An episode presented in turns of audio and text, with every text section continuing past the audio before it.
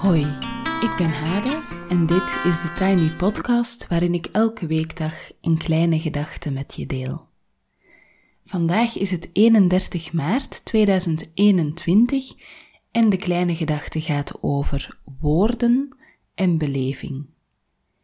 En de gedachte is niet van mij, maar van Merel Baaiens.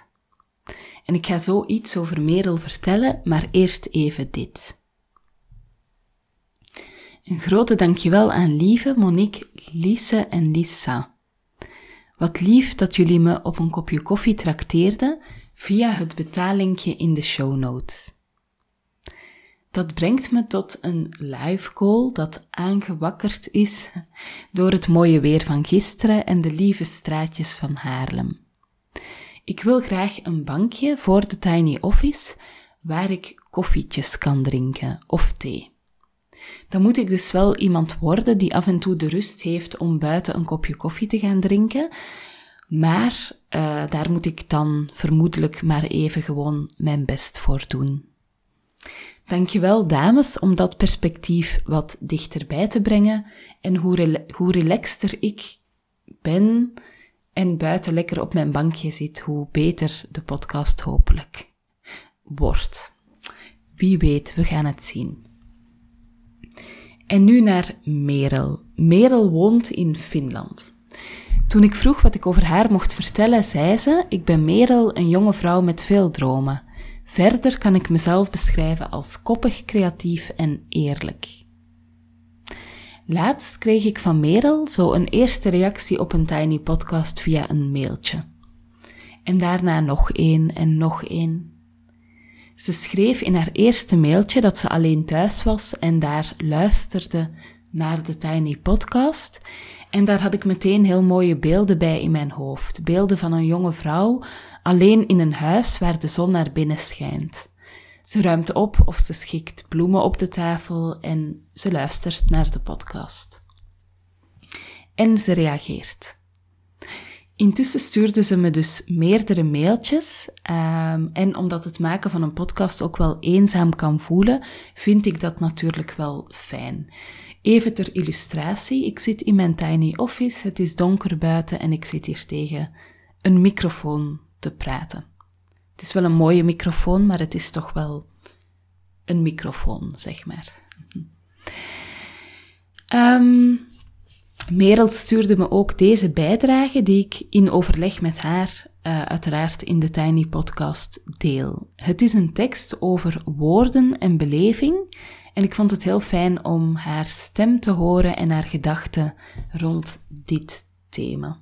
Of deze thema's. Of ja, ik kan het bijna een veld noemen waarin ze zich beweegt en vertelt wat er bij haar opkomt. Of wat ze daarover denkt.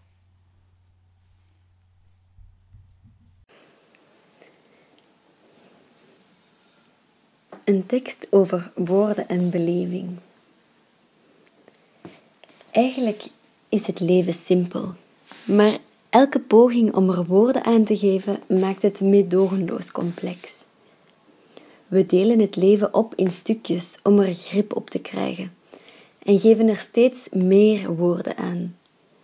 Maar de essentie, daar waar het simpel is, is woordeloos. Woorden structureren de oneindige hoeveelheid prikkels die continu op ons afkomen. Met woorden vormen we een bewust kader dat we gebruiken om ons te oriënteren in onze omgeving en ons gedrag en gedachten te sturen. Tegelijkertijd zijn woorden hopeloos beperkt. Van de bonte verzameling van indrukken die we waarnemen via al onze zintuigen en door de tijd heen, wordt maar een fractie geregistreerd. En nog een kleiner deel wordt zo bewust dat we er woorden aan geven. En dan zijn er woorden tussen mensen. Communicatie om over te brengen wat beweegt in één geest naar een andere.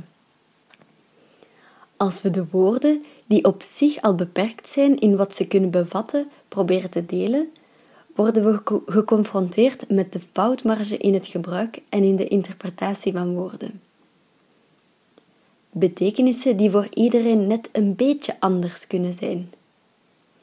In woorden zit een afstand. Nooit is er een één op één relatie tussen intentie, boodschap, interpretatie. Nooit vallen ze samen. Woorden vervreemden.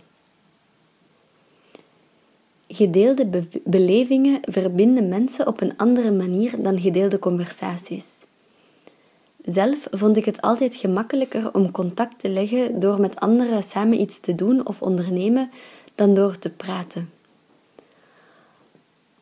Als ik denk aan het belang van samen eten of de verbondenheid die ontstaat wanneer mensen geconfronteerd worden met, met gemeenschappelijke moeilijkheden, geloof ik dat dat niet alleen voor mij geldt.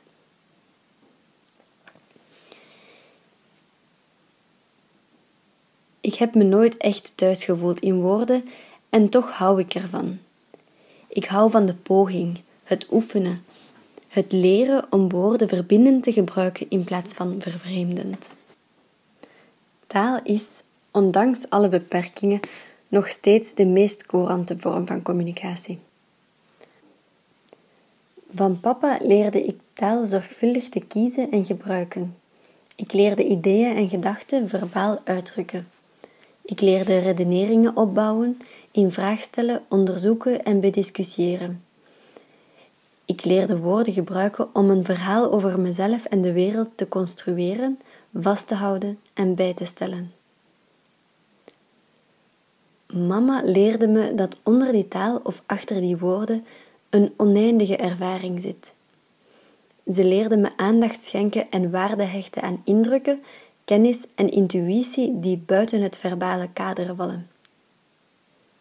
Daar vond ik de eenvoud terug, de simpelheid van het leven, een kinderlijke vanzelfsprekendheid.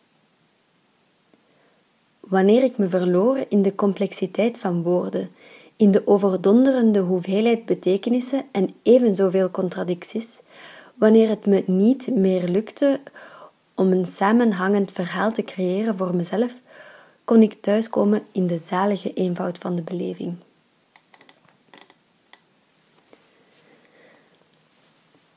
Vanuit het streven onze omgeving en ons bestaan te begrijpen en te controleren, wordt deze oneindig complexe en veelzijdige beleving echter in veel gevallen opgesplitst in steeds meer disciplines, meer specialisatie. Er worden ook steeds meer woorden aangegeven. Binnen dit rationeel verbale kader wordt het bijzonder moeilijk om een geheel te bevatten. Daarbij komt nog een maatschappelijke focus op het individu en een afnemend vertrouwen in de grote verhalen. In een overkoepelend gedachtegoed dat mensen op grote schaal met elkaar verbindt. Deze versnippering kan in combinatie met de individualisering zorgen voor een groeiend gevoel van verlorenheid en vervreemding. Vanuit deze persoonlijke, niet wetenschappelijk onderbouwde en dus voor wie wil zeker bedis bediscussieerbare observatie, geloof ik dat in onze samenleving zowel het individu dat geborgenheid en verbondenheid zoekt, als groepen in de samenleving die polariseren en steeds meer tegenover elkaar komen te staan, baat hebben bij een verhoogde aandacht en waardering voor de beleving op zich.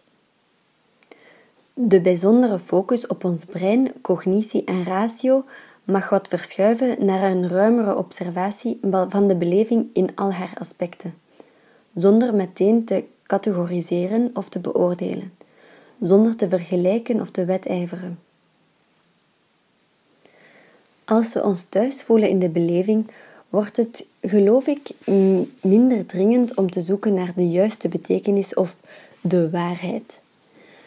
Als we ervaren en aanvaarden dat het leven waardevol is, ook zonder enige zekerheid of rationele zingeving, voelen we ons misschien minder bedreigd als onze veronderstellingen, overtuigingen of andere mentale constructies in vraag gesteld worden, in twijfel getrokken of in contrast geplaatst met andere waarheden en waarden. Onze eigen waarheid hoeft niet per se, al dan niet gewelddadig, verdedigd te worden, maar kan even goed bestaan naast de mentale constructies van anderen.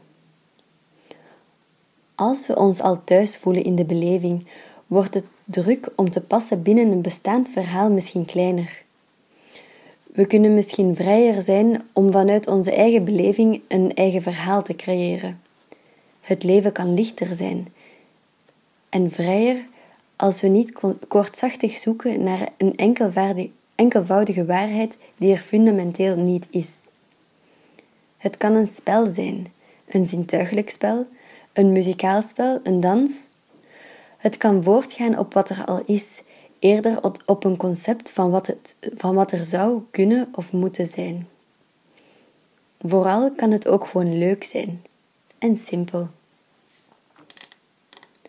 Ook woorden kunnen een spel zijn. Woorden kunnen rijk worden in de betekenis die ze aan elkaar geven. Dat is een kunst die ik nog aan het leren ben. Dat spel ontstaat volgens mij wanneer woorden in contact blijven met de beleving. Als we blijvend zoeken naar begrip voor de ervaring die aan de basis ligt van onze formuleringen, vermijden we de rigiditeit en het streven naar het grote gelijk. Beleving is namelijk per definitie individueel en continu veranderlijk. Ik zie spel als tegenpool van rigiditeit.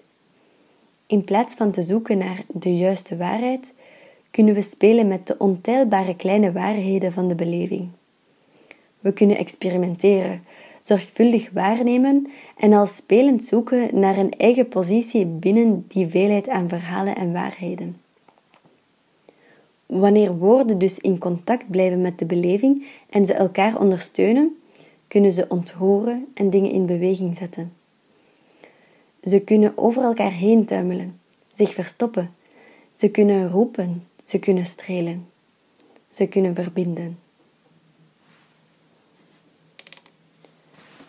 Als we ons in de communicatie niet alleen richten op de woorden die uitgewisseld worden, maar attent blijven voor signalen buiten het verbale kader, zowel van onszelf als van de ander, is het risico op vervreemding kleiner. Bij kinderen reageren we dikwijls automatisch op hun complete set signalen. Naast hun verbale uitdrukkingen houden we rekening met factoren als vermoeidheid, honger, stress, herinneringen aan eerdere ervaringen. In communicatie met volwassenen worden de onuitgesproken maar waarneembare emotionele en fysieke behoeften zelden benoemd of in rekening gebracht. Maar ook volwassenen zijn soms moe of bang, hebben honger en zijn zeker ook beïnvloed door eerdere ervaringen. En ook bij volwassenen kleuren die de communicatie. Het schept helderheid als die factoren ook herkend en erkend worden in de communicatie. Het is geen zwakte om ook die behoefte ruimte te geven en dus niet te functioneren als puur rationeel wezen. Integendeel, wanneer we in contact blijven met onze beleving, zijn we onwaarschijnlijk krachtig.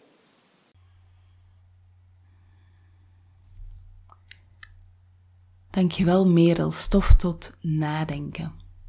Nu ben ik zelf heel erg iemand van het woord. Ik schrijf en ik maak deze podcast en uh, ik lees ook heel veel. Maar het woord beleving uh, in de bijdrage van Merel zette heel veel bij me in gang. Omdat ik me steeds meer realiseer dat de dingen die bovendrijven als ik terugkijk op de voorbije jaren, dat dat echt de beleving is. Ik kan bijvoorbeeld perfect het gevoel oproepen van het frisse, winderige, um, als je buiten op het Erasmusplein in Nijmegen staat, bijvoorbeeld.